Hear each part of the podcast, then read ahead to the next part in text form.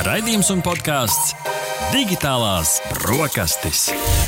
Tava ikdienas tehnoloģiju ziņu deva kopā ar Arti un Rihardu.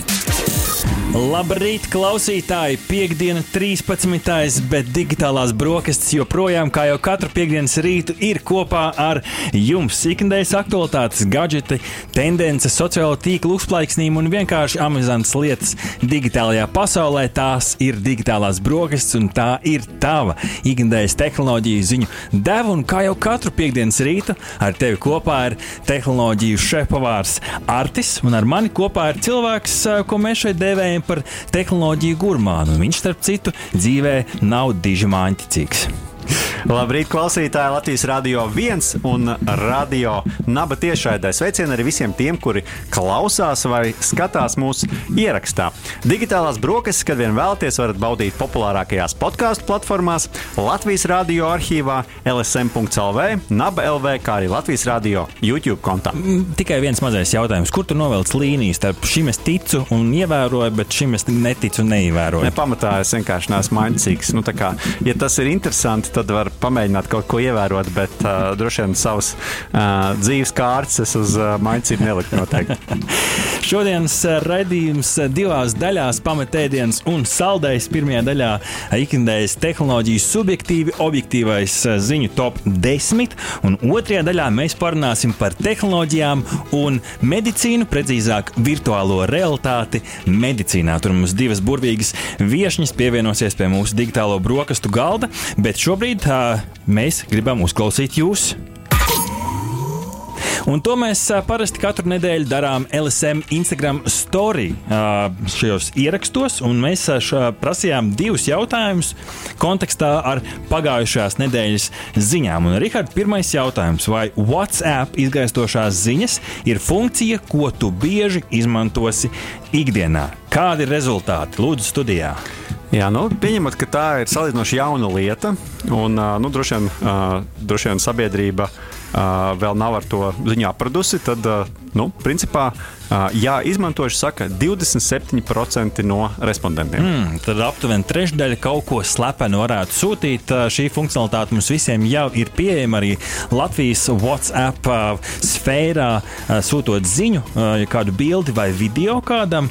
Blakus sūtīšanas podziņa tāds mazs, mazs viennieciņš nozīmē, ka šī ziņa aizies, vienreiz būs redzama, un, ja paspēs uztaisīt screenshot, tad saglabāsies, ja nē, tad šī ziņa izgaisīs mūžam. Un otrs jautājums, vai tu bieži esi vēlējies kaut sabiedriskā transporta etalonu, tu varētu iegādāties vietālrunī. Kādi ir rezultāti? Nu, šeit gan absolūti pārliecinoši 92% saka, jā, esmu par to. Nereti iedomājies, kā nu, droši vien šie cilvēki ļoti priecāsies par to ziņu, ka potenciāli nākotnē pārredzamā mums varētu būt šī iespēja iegādāties biļeti sabiedriskajā transportā Rīgā ar vietālruni. Ziņa numur viens. Pirmais gardums digitālajās brokastīs no tehnoloģiju uzņēmuma Samsung, kurš teju teju prezentēja tās jaunāko produktu līniju. Pirmkārt, salokāmie vietāluņi Galaxy Z Fold 3 5G, kas ir atlokāms kā grāmata. Otrakārt, Galaxy Z Flip 3 5G, kas ir atvēršams telefons, kas ir līdzīgāks tiem vecajiem podziņu tālruņiem, kurus varēja tā smuki attaisīt ātri vaļā. Treškārt, vietpulkstenis Galaxy Watch 4 un visbeidzot Galaxy Buds 2 austiņas. Ierīces Baltijas tirgu nonāks 27. augustā, bet nu, tāds ātrais apskats no mūsu, mūsu puses šodien jūs sagaida. Un cik nu, ātrs patiesībā diezgan daudz ko ir stāstīt, bet mēs nestāstīsim tik daudz par tām iekšām un tiem cipariem, jo ceram, ka kādu dienu varēsim notestēt. Tos tad paskatīsimies vairāk uz to. Mēs vairāk uz tām funkcionalitātēm, uz tām inovācijām, uz tiem jaunumiem. Sāksim Rihards ar atveramo vietālu un Z Fold 3, kas tīri vizuāli līdzinās Z Fold 2, ko mēs diezgan tā skrupulozi testējām vairāk nekā pusgada garumā. Šis video ir pieejams arī kaut kur YouTube, kā zīlēs, zīlēs un arī kādā no iepriekšējiem ierakstiem. Tā kā to noteikti var paklausīties. Taču šis telefons, salīdzinot ar iepriekšējo, ir kļuvis ūdens, bet ne putekļu izturīgāks. Ūdens, protams, labi, bet tie putekļi tajās eņģītēs laikam joprojām kaut kur ķerās. Pamanāmākās izmaiņas ir ekrānos. Abi ir 120 Hz atjaunošanās biežums, kas cilvēkam nozīmē to, tajā brīdī, kad tu skrolē kaut ko rīkšķi, tad netik ļoti raustās. Kas ir interesanti, un šī ir jauna tendence vietāluņos, paslēpt selfiju kameru zem ekrāna. Mēs stāstījām pagājušajā nedēļā par Oppo, to pašu ir izdarījuši arī Xiaomi šonadēļ, bet šajā prezentācijā šo mums parādīja jau dzīvē un darbi, nu, nosacīt darbībā arī Samsung. Un šeit iekšējā selfija kamera, kas ir, kā paši Samsung skaidro, viena no retāk izmantotajām kamerām, bet tomēr tā tā tiek paslēpta, jo ir cilvēki, kuriem šis mazais izgriezums, angļuiski punch hole, diezgan traucē skatoties video un kaut ko citu darot. Te gan jāsaka, ka tie uh, apskatnieki, kur jau ir tikuši pie šiem vietāluņiem, saka, ka tas joprojām ir vēl redzams, jo tā tehnoloģija ir nu kāda kamera, tomēr gaismā jāiet cauri, līdz ar to viņi mēģina paslēpt ar tādiem pāris pikseļiem virsū, kas nu, rāda to pašu krāsu un gaismu, ko pārējais ekrāns, bet tomēr atsevišķās uh, epizodēs tas vēl joprojām redzams, bet varbūt mēs piesēnamies varbūt tas ir tāds mazais sīkums, kas beig, beigās jau patīkam? Par vislielāko jaunumu šim modelim es gan uzskatu šo te īrbuļa atbalstu. Tas ir tā ir funkcionalitāte, ko es gribēju arī pagājušajā versijā beidzot ir. Viņi tevi ir sadzirdējuši. Ir mani sadzirdējuši digitālas brokastis, kā jau vienmēr trendseteri. Iekšējais ekrāns esot par 80% izturīgāks, kas kopumā ir laba ziņa, jo lielā bažas ir par to, ka vienā brīdī viņš salūzīs. Nu, 80% mazāk iespējamība. Uh, mīnus šim ir tāds, ka šis S-pen ir atsevišķi jāpiepērk klāt. Vecie nestrādās, ir īpaši S-pen irbulis ar īpašu uzgalīti. Un, nu, tas laikam lielākais mīnus. Mēs šeit konkrētus ciparus nesauksim, bet mēs saucam tādās nu, sliekšņos un kategorijās. Ja gribi to pilno komplektu ar visu to irbulīti, un varbūt arī ar vāciņu, varbūt arī ar lādētāju, ko tu vari iesprāst sienā, kas tad citu nenāk komplektācijā, tad šis sniedzās virs 2000 eiro. Nu, es nezinu, kurš šo izmantos. Uh, ikdienā nu, 2000 nemētājs, kuram katram kā nu, kabatā. Bet uh, tāds trendsetters šis telefons ir Zīflip 3. Uh, telefons, kas laikam man pārsteidz šoreiz daudz mazāk, jo tā lielākā inovācija ir lielāks ekrāniņš šeit, nu, pie tās kameras moduļa šim telefonam nosīt uz vāciņa virsū. Tur jau var izlasīt normāli šos te ziņas, um, īziņas, um, WhatsApp ziņas un tam līdzīgi. Var jau kaut kādas funkcijas veikt, piemēram, var ieslēgt uh, maksāšanu veikalā, līdz ar to nav pat jātaisa vaļā un kaut kas speciāli jāieslēdz uzreiz nopīkstina, kas, protams, tādam mazam telefonam ir uh, pavisam forši. Otrs trumpis šim telefonam varētu būt tas, ka Dienvidkorejoša popgrupa BTS ir viņu mārketinga materiāla centrālais elements, kas varbūt kādu daļu cilvēku pārliecinās, ka šis ir telefons priekš. Viņiem cenu ziņā šis ir pieejamāks par savu lielo brāli, taču joprojām ir pārspēja daudzus daudz citus flagmaņus izmaksās. Tā kā šeit ir jautājums, vai tev gribās atvēršam telefonu vai nē. Vairāk atsvaidzinājums ir piedzīvojis gudrais pulkstenis Watch 4, kur jau mēs pieminējām ar divu pirkstu pieskārienu tas soli izmērīt ķermeņa kompozīciju, jeb ūdens, tauku, kaulu un muskuļu proporciju ķermenī, kas kaut ko var iespējams tev arī pateikt par to, kā tu trenējies. Kopā ar krāpšanas indikātoru, asinsspiedienu un elektrokardiogrammas sensoriem, tas piedāvā šādam lietotājam vēl vairāk datus par sevi. Ja tu, Rihard, nezināji pietiekami par sevi, tad ņem tos par datus. savu krāpšanu. Un par savu krāpšanu. Tā skaitā man te vienmēr lielais jautājums ir, priekš kam man tie dati? Vai viņš kaut ko beigās izdarīs? Varbūt arī izdarīs ar šiem datiem. Labākā ziņa šeit ir integrācija ar Google Wear OS. Tātad ir jauna operētāja sistēma no Google, kas automātiski nozīmē lielāku lietotņu integrāciju pulkstenī, piemēram, Google Maps. Un visbeidzot, Galaxy Buds 2 austiņas, par kurām laikam vismazāk šoreiz nākās stāstīt, jo solīja, protams, labāku skaņu, labākus zvanus. Ir ambient mode, ar kuru nosacīti sēžot, piemēram, kafejnīcā, kas viņi piemērs tev pienes tev kafiju, sāk ar tevi runāt, viņas automātiski ieslēdzās dzirdēšanas režīmā.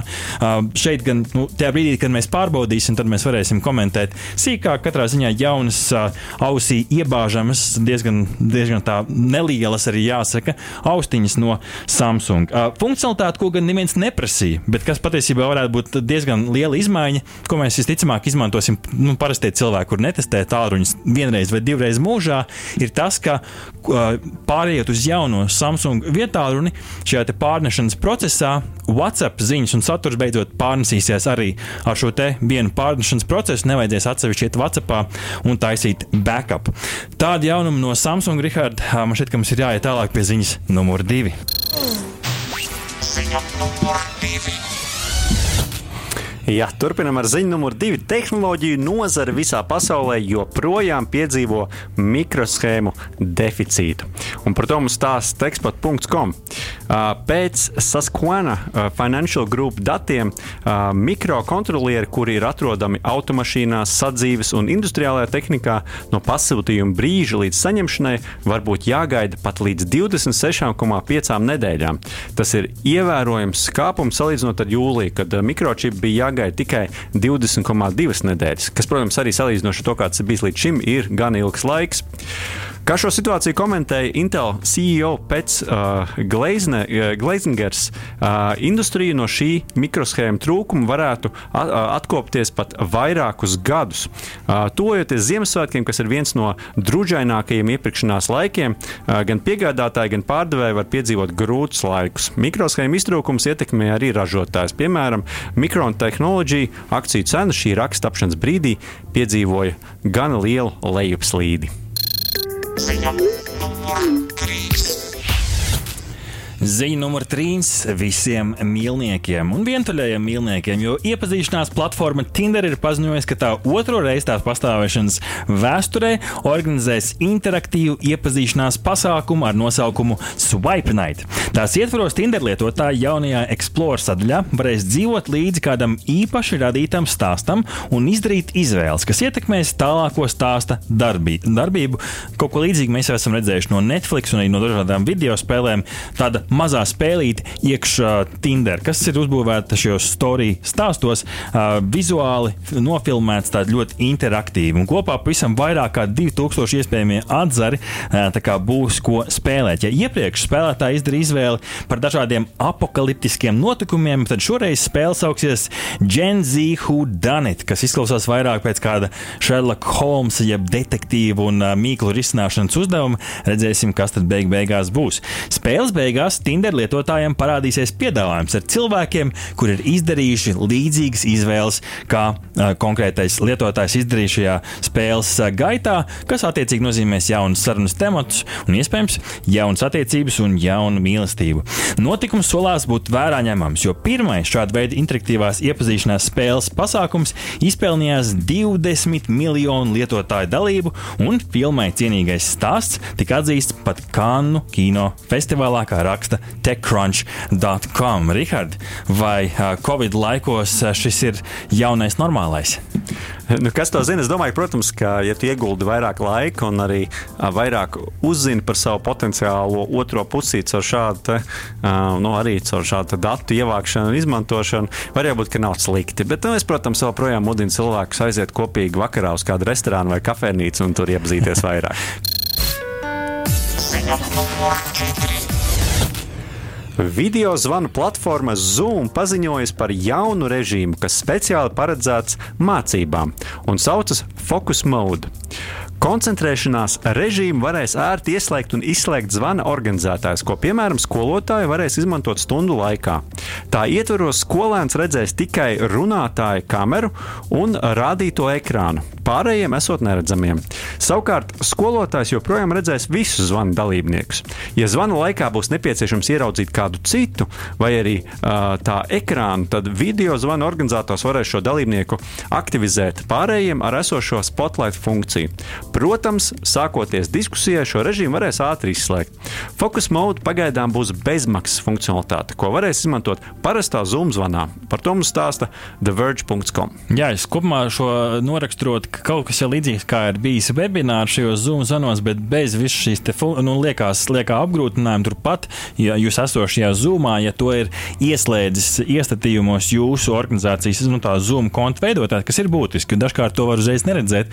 Paprasiet vienkārši savam IT administratoram, lai ieslēdz. Un es domāju, ka šis kopumā to mācību kvalitāti varētu ievērojami uzlabot. Rihard, kā tev šķiet? Jā, man š, es pilnīgi piekrītu, un man liekas arī uh, tiešām lieliski, ka uh, līdz ar to palielinātam laikam, ko mēs esam pavadījuši šajā attālinātajā režīmā, parādās ar vienu jaunu funkcionalitāti arī uh, šajās te, uh, platformās, kas palīdz un atvieglo darbu gan skolotājiem, gan arī dažādu pasākumu organizatoriem, kuri tos vēlās kvalitīvi īstenot tiešsaistē. Tā kā nu, prieks par šādu papildinājumu. Ziņa numur 5. Tehnoloģija uzņēmums Xiaomi prezentēs pasaulē tā jaunāko ierīci - četrkājaino robotu suni Cyberdog. Robots vizuāli atgādina kalnu sunīti, kam galvas vietā ir spocīgs vadības bloks ar kamerām. Gluži starp citu, kā dzeltenai, dzeltenais sāncensis Spot no Boston Dynamics.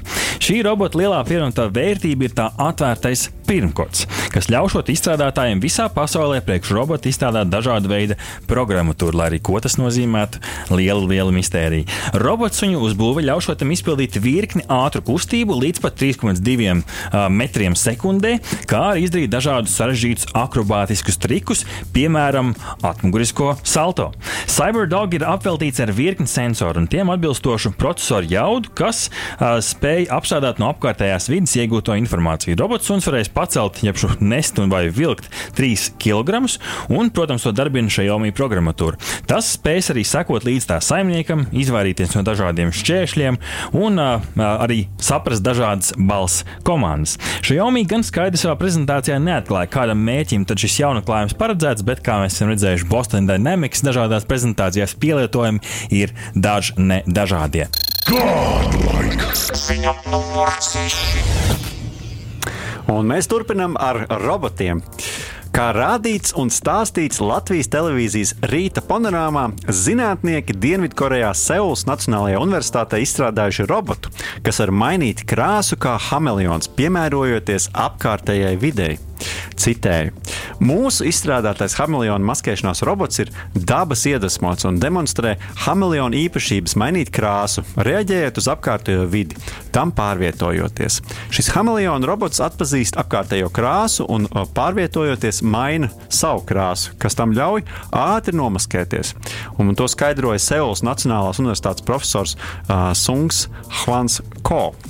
Tehnoloģija ir izstrādāta izmantojot termojūtīgu šķidro kristālu slāņus ar vertikāli sakārtotiem uh, nanovadu tīkliem. Pētnieki tehnoloģijai saskata reālus izmantošanas veidus gan militārajā jomā, formas tērpu izstrādē, gan modes pasaulē apģērba ražošanā, gan arī automobīļu ražošanā. Ziņa numur 7. Latvijas Universitātes Pedagoģijas, Psiholoģijas un Mākslas fakultātes studenti un darbinieki sadarbībā ar projektu komandu izstrādā jaunu platformu izglītības jomas speciālistiem - digiklase.lv. Tajā tiek apkopot un klasificēti Latvijā un pasaulē pieejamie digitālie mācību materiāli un rīki. Izveidotā krātuve apkopo materiālus visiem izglītības posmiem, sākot ar pirmskolu un beidzot ar pieaugušo izglītību. Platformā izveidots filtrs un meklētājs, kas tās lietotājiem palīdzēs atlasīt nepieciešamos materiālus pēc tādiem parametriem kā mācību priekšmets, vecums, materiāla veids un citiem.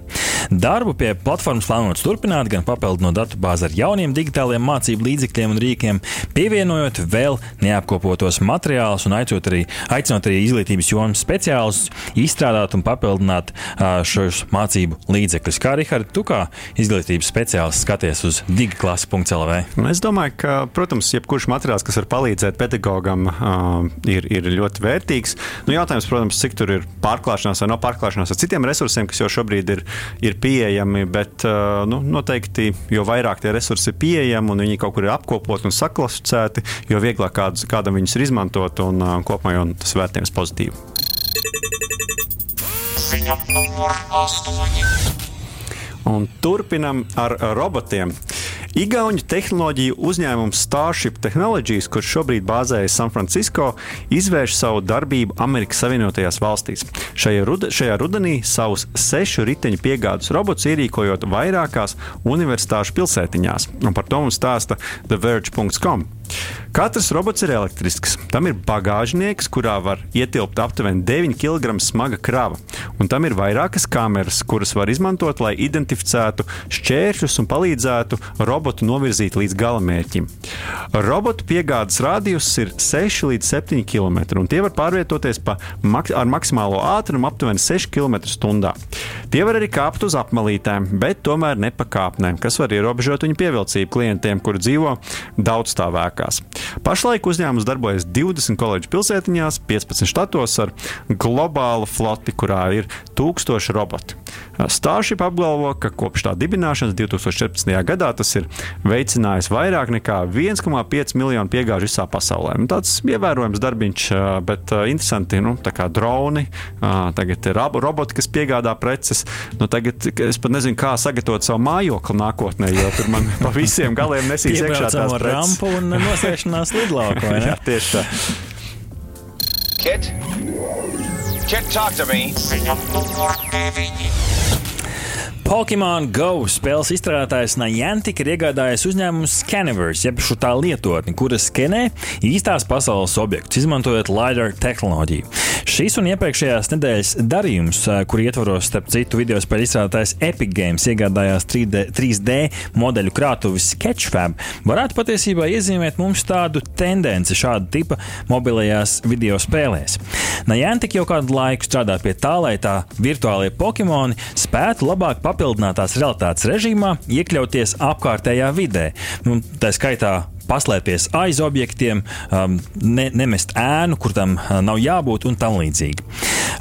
Nākotnē viņi arī strādā pie tā, lai būtu pieejamas papildinātās realitātes brilles, kas varētu būt nu, liels notikums Pokemon Go faniem, uzvilkt brilles un redzi uh, Pokemonus visapkārt. Šobrīd gan viens plaši pielietots risinājums šādā, šādai papildinātai realitātes brillēm vēl nav radīts. Tā raksta cnet.com. Niantic vīzija par spēli Pokemon Go ir, ka Pokemon dabiski iekļausies reālajā vidē, skraida garām, gā, garām gājējiem, slēpjas aiz parka soliņa vai klīst baros pa mūsu iecienītāko parku. Ēkas sienas varētu iekrāsoties citās krāsās, desmit stāvīga Pokemon Go cīņu zāle varētu pacelties virs vietējā lielveikala, un jau uz ielas sastopat citu spēlētāju. Spēlētājs ir ietērpts tā spēles avatara gan krāsās, gan drēbēs. Šāds interesants papildinājums un nu, diezgan tāda, es teikšu, futūristiska vīzija. Rihard, kā, ko tu kā Pokemon Go sen nespēlējis cilvēks par šo domā? Es iztēlojos to brīdi, kad tu ej pa oficiālu, ja, un tu uh, dodies un ieraugi, ka tavs priekšnieks nāk tādā īpašā tērpā, un tad saproti, ka viņš arī patiesībā spēlē Pokemon. Mazos Go. rozā miņikos. Nu, jā, tas varētu būt interesanti. Ziņa numur desmit. Tehnoloģija un izklaides uzņēma, uzņēmums TET atklāja jaunāko un tā sesto datu centru. Uzņēmums pamato šādu izvēli ar to, ka pēdējo gadu laikā strauji pieauga datu centru pakalpojumu pieprasījums, un tirgus prognozes liecina par šīs tendences saglabāšanos arī nākotnē. Jau šobrīd TET eksportējot 75% no datu centru pakalpojumu, un tuvākajos gados plāno audzēt datu centra biznesa apgrozījumu par vidēji 15% gadā. Citēju, mākoņu, pakal, mākoņu pakalpojumu lietošanu lietošanas pieaugums Latvijas uzņēmēju vidū kopš 2018. gada ir pieaudzis divas reizes, un šobrīd jau 45% uzņēmumu izmanto mākoņu, mākoņu pakalpojumus. Uh, par to mums stāstīja TET izpildirektors un valdes priekšsēdētājs Ulris Satarčuks. TET par vienu no būtiskākajām eksporta valstīm uh, šiem pakalpojumiem izcēla Ukraina, kur TET tirgus daļa datu centru tirgu sasniedzot pat 8%. Kā, tas ir tas mākonis, par ko visi jūsmo. Praktiski tas ir datu centrs, tie ir eh, serveri, tās ir kastes. Tā kā vēl viens mākonis pie mums šeit Latvijā, tā tālaini izsakoties. Tas bija šī rīta digitālo brokastu tehnoloģiju top 10. Pēc muzikālās pauzes mēs parunāsim par virtuālo realitāti un medicīnu. Hmm. Hmm. Ko liksim uz kārā zoba? Digitālo brokastu Saldais ēdiens. Klausītājs, sveicam jūs atpakaļ pie digitālo brokastu galda, mēs turpinām ar saldo ēdienu, ar interviju. Medicīnā nereti tiek izmantotas pašas modernākās tehnoloģijas, un arī virtuālās realitātes tehnoloģija nav izņēmums. Tā var noderēt mācot jaunos mediķus, palīdzot vizualizēt datus uh, un nodrošināt arī terapiju pacientiem, kā arī, protams, citiem mērķiem. Bet par to, kā tas strādā un kas no tā ir pieejams Latvijā, sīkāk vaicāsim mūsu šīs dienas raidījuma viesiem. Un ar mums kopā šorīt ir Marina Petrakova, WeReach bērnu rehabilitācijas jaunu uzņēmumu līdzdibinātāja un vadītāja, un arī Riga Tech Girls līdzdibinātāja un arī informācija tehnoloģija mentora. Labrīt! Labrīt! Sveiki visiem! Un, protams, ar mums kopā ir arī Linda Lansere, kur ir pētniece virtuālās realitātes tehnoloģiju un vizualizācijas apakšvirzienā un pārstāv Vidzemes augstskolu. Sveika, Linda! Labrīt visiem! Linda, sāksim varbūt ar tevi šajā rītā, jo mēs esam pieminējuši jau šajā raidījumā dažādas realitātes. Hiperrealitāte, papildināta realitāte, virtuālā realitāte. Man šķiet, ka klausītāji, kur ikdienā tā parastā realitāte, parastā realitāte kurā mēs dzīvojam, vispār ir kaut kāds kosmos.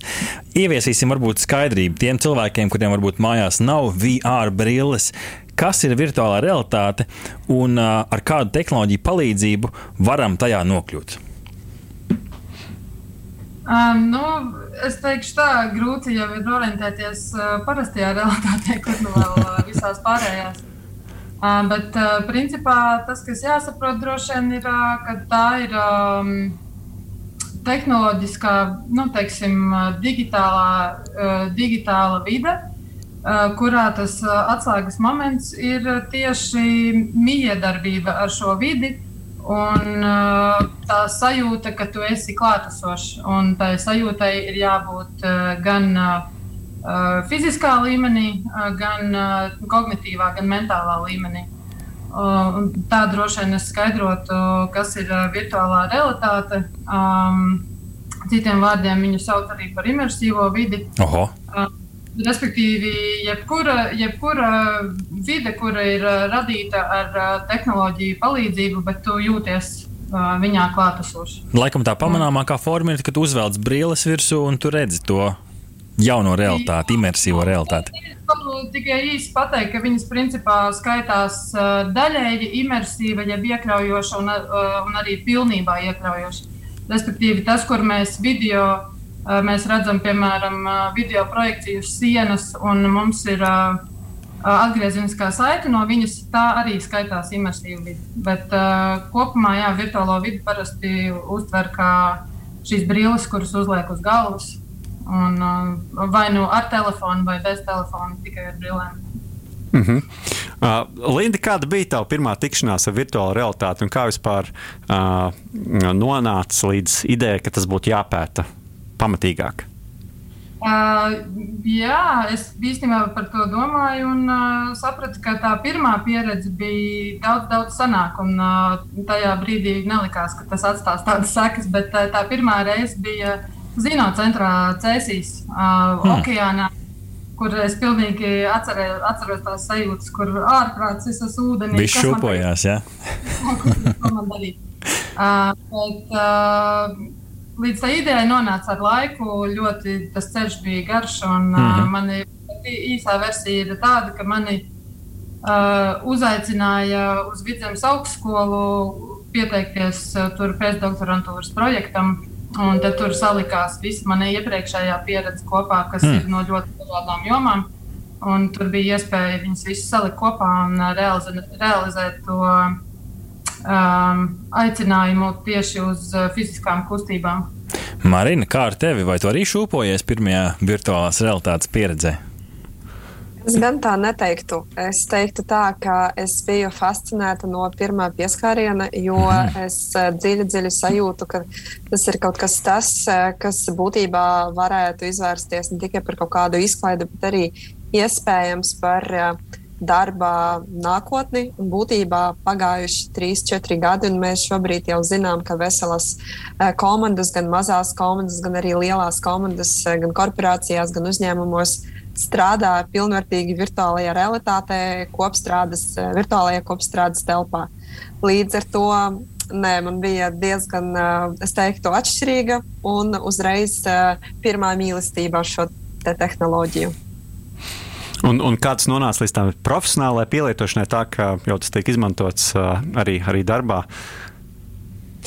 Būtībā sanāca tā, ka es pēc izglītības un profesijas esmu kā, certificēta audiologopēda, medicīniskās rehabilitācijas specialiste, un es diezgan daudz esmu pielietoju tehnoloģijas savā darbā un arī veidoju savus lietotnes un risinājumus. Un vienā brīdī, kad man izdevās ārzemēs izmēģināt virtuālo realitāti, es sapratu, ka tā ir tā vide, kuru var bezgalīgi daudzveidīgi pārveidot un būtībā pielāgot maniem pacientiem. Un pēc laika arī palika skaidrs, ka ne tikai maniem pacientiem, un ne tikai pacientiem. Linda, es uh, gribēju vaicāt, tagad jau ķeroties pie tās nu, profesionālās sadaļas par virtuālo realitāti medicīnā. Kādiem mērķiem vispār ir iespējams izmantot uh, virtuālo realitāti, ja mēs runājam tieši par uh, medicīnu? Uh, nu, tur, tur tās variācijas ir tādas um, vairākos strateģiskos virzienos. Vien, viens ir uh, izglītība, kur gan, gan studenti mācās anatomiju, piemēram, vai ārsti apskata pirms operācijas šos 3D attēlus, kur ir daudz labāk var izplānot operāciju kā tādu.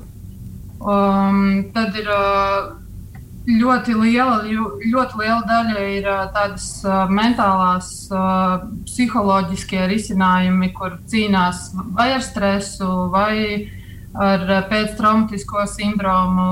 Um, tur, tur noteikti Marina var vairāk pastāstīt.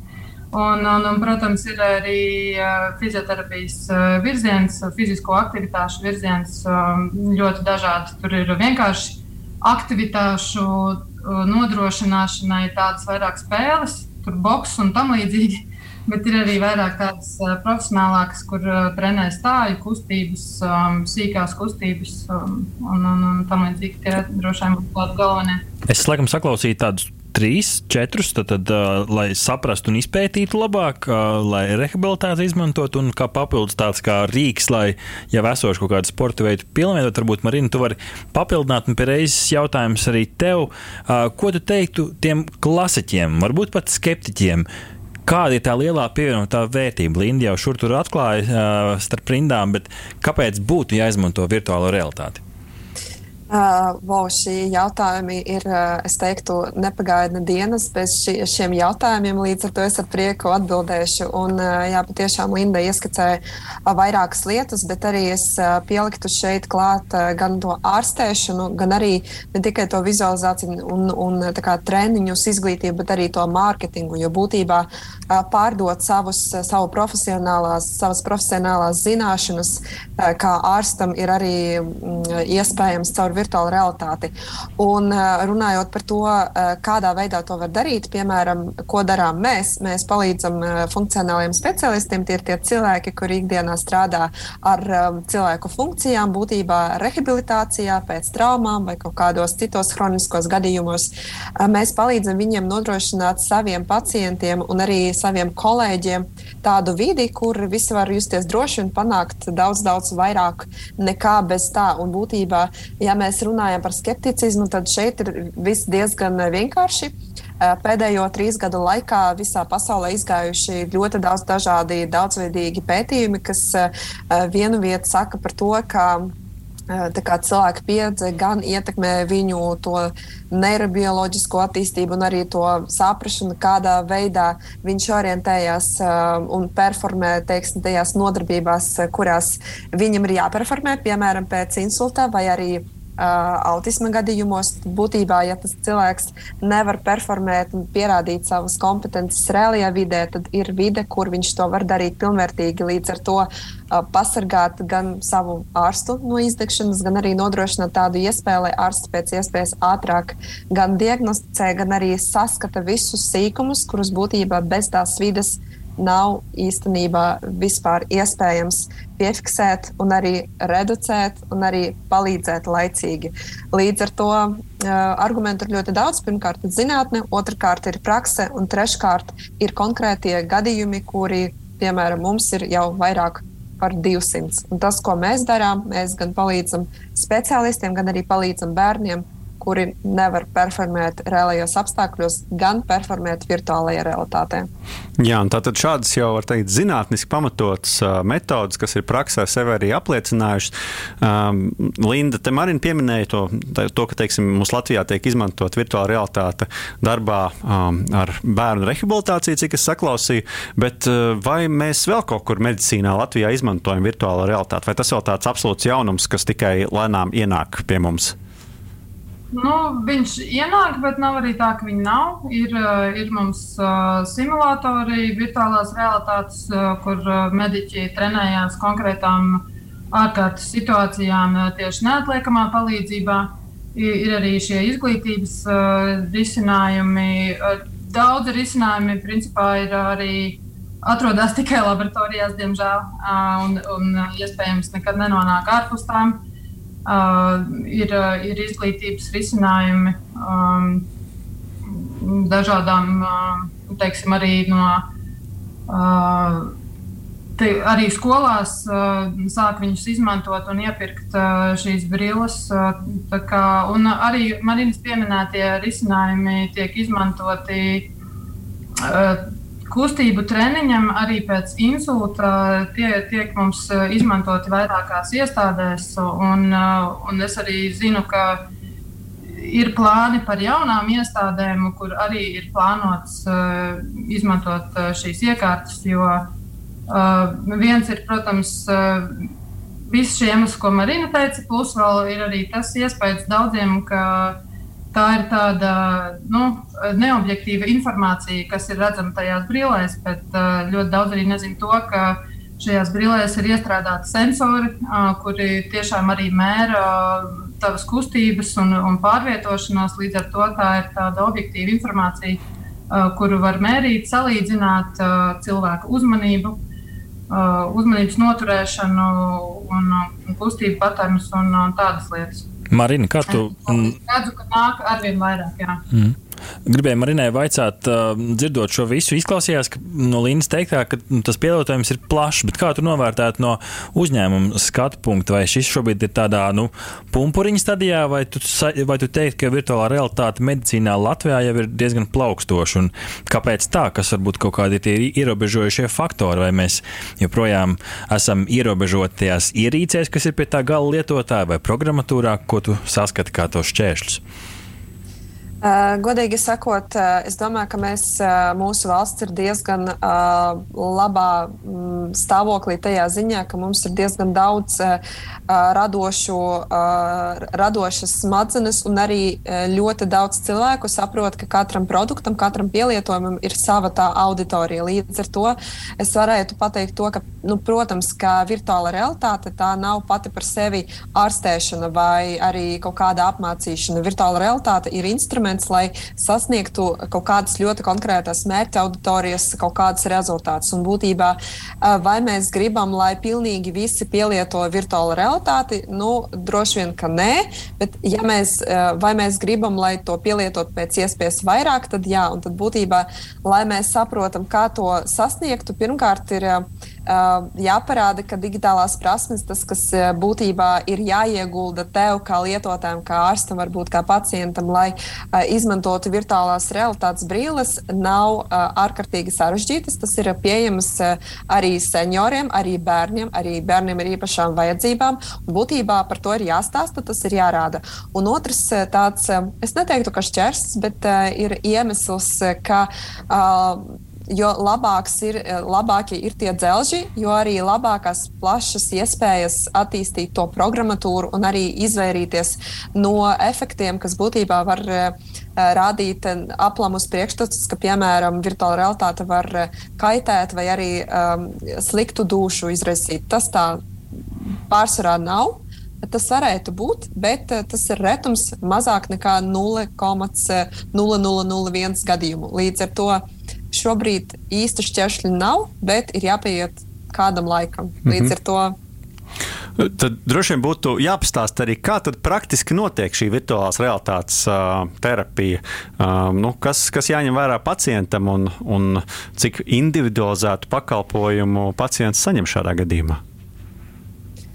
Es domāju, ka šajā gadījumā mēs varam runāt par visaugstāko pielāgošanas līmeni, jo būtībā viss, kas ir nepieciešams pašam speciālistam, ir programmatūra, kuru mūsu gadījumā izstrādājam arī mēs, un arī dodam uh, iespēju speciālistam reālajā laikā uh, to visu vidi, ku, kurā ir iegremdēts tas pats bērns, gan novērot, gan novērtēt, gan arī mainīt.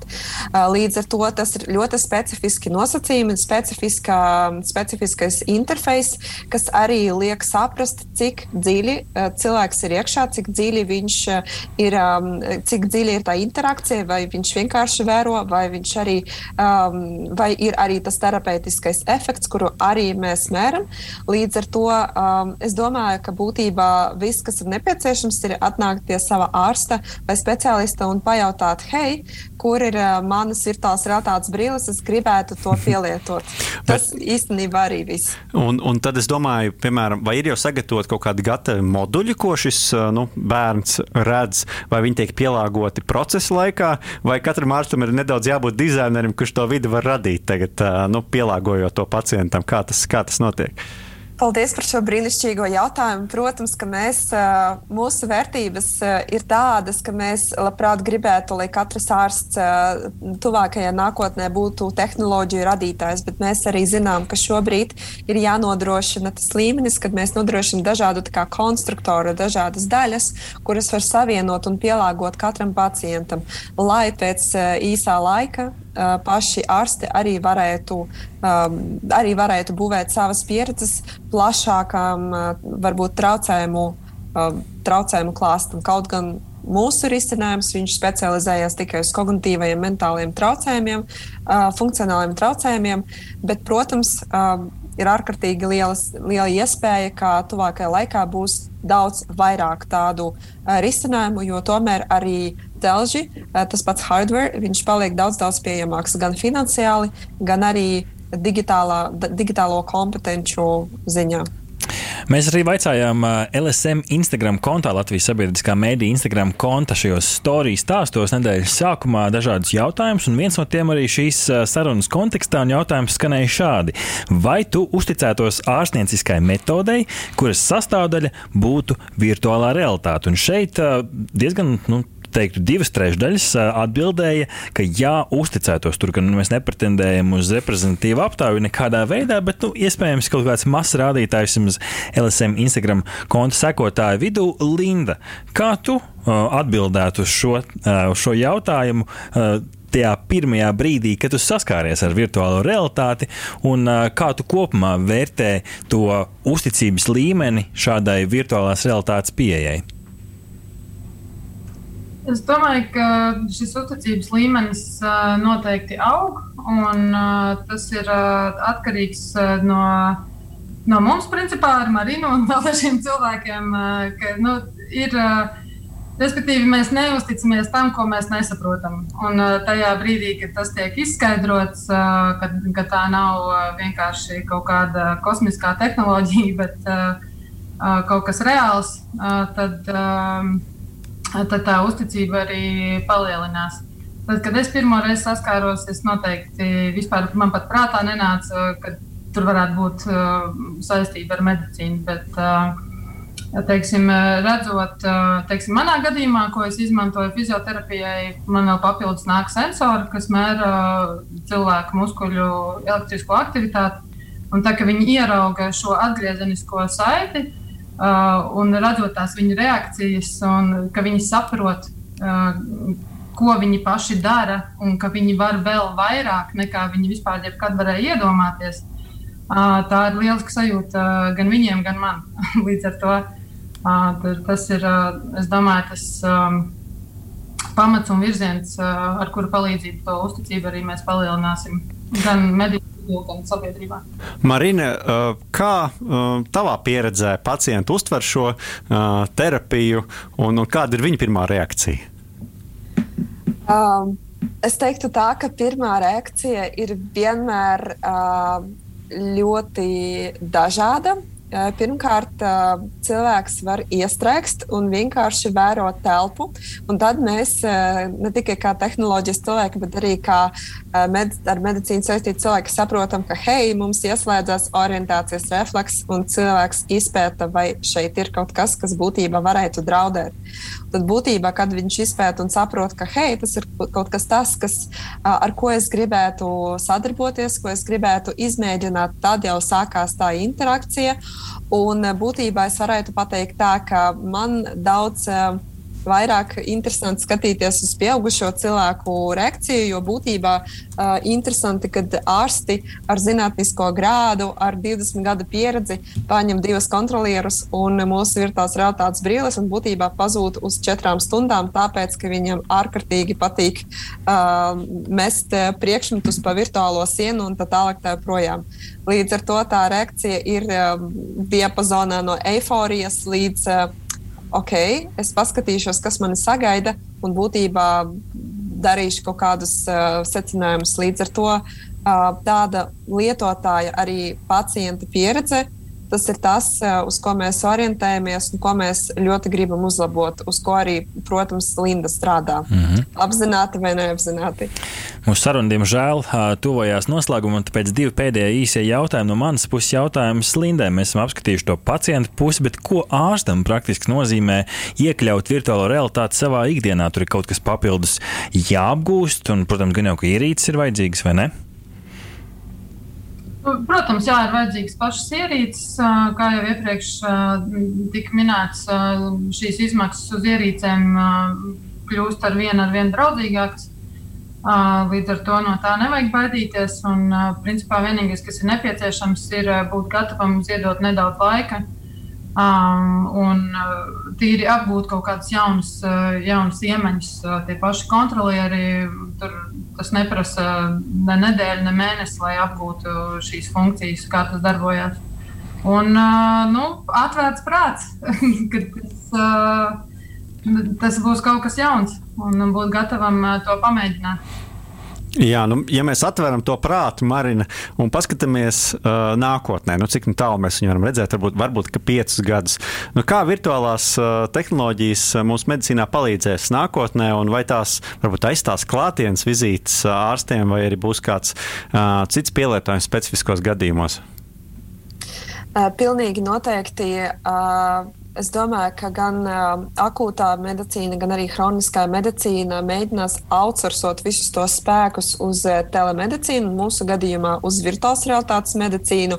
Noteikti puse no rehabilitācijas pāries uz uh, tikai un vienīgi virtuālo vidi, jo tā ir vienīgā vide, kas uh, būtībā nodrošina to uz pacientu orientētu mērķu izpildīšanu. Būtībā mums ir jāizvērstē. Un, ja mēs varam nodrošināt to pakalpojumu ne tikai, piemēram, Rīgā, bet arī varam nodrošināt tur, kur pats cilvēks nevar atbraukt, tad būtībā, protams, tas ir jāizmanto. Un jo vairāk cilvēki to pielietos, jo lētāk tas būs un jo ātrāk tas, protams, varētu.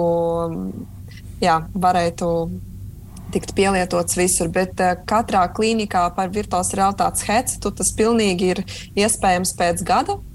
Uh, līdz ar to mums vienkārši ir jāpalīdz, jāapgūst, un es varbūt šajā ziņā nepiekrīstu Linde. Es domāju, ka jebkurš prāts, pat tas, kurš nav atvērts tehnoloģijām, viņam ir tas, tā ziņkārība paspēlēties. Un paspēlēties, sākot spēlēties, cilvēks sāk pētīt un sāk arī sajust, ka tas ir kaut kas tāds, ko vajadzētu um, izmēģināt.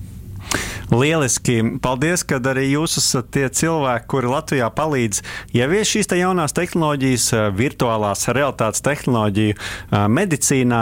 Un, nu, gaidīsim noteikti, vai pēc gada, vai pēc diviem gadiem tā tiešām varbūt kļūs jau par mūsu ikdienu. Ar mums kopā bija Marina Petrikova no uzņēmuma VReach un Linda Lancera, Vidzemes augstskolas pētniece virtuālajā realitātē. Tā kā paldies jums par šī rīta sarunu!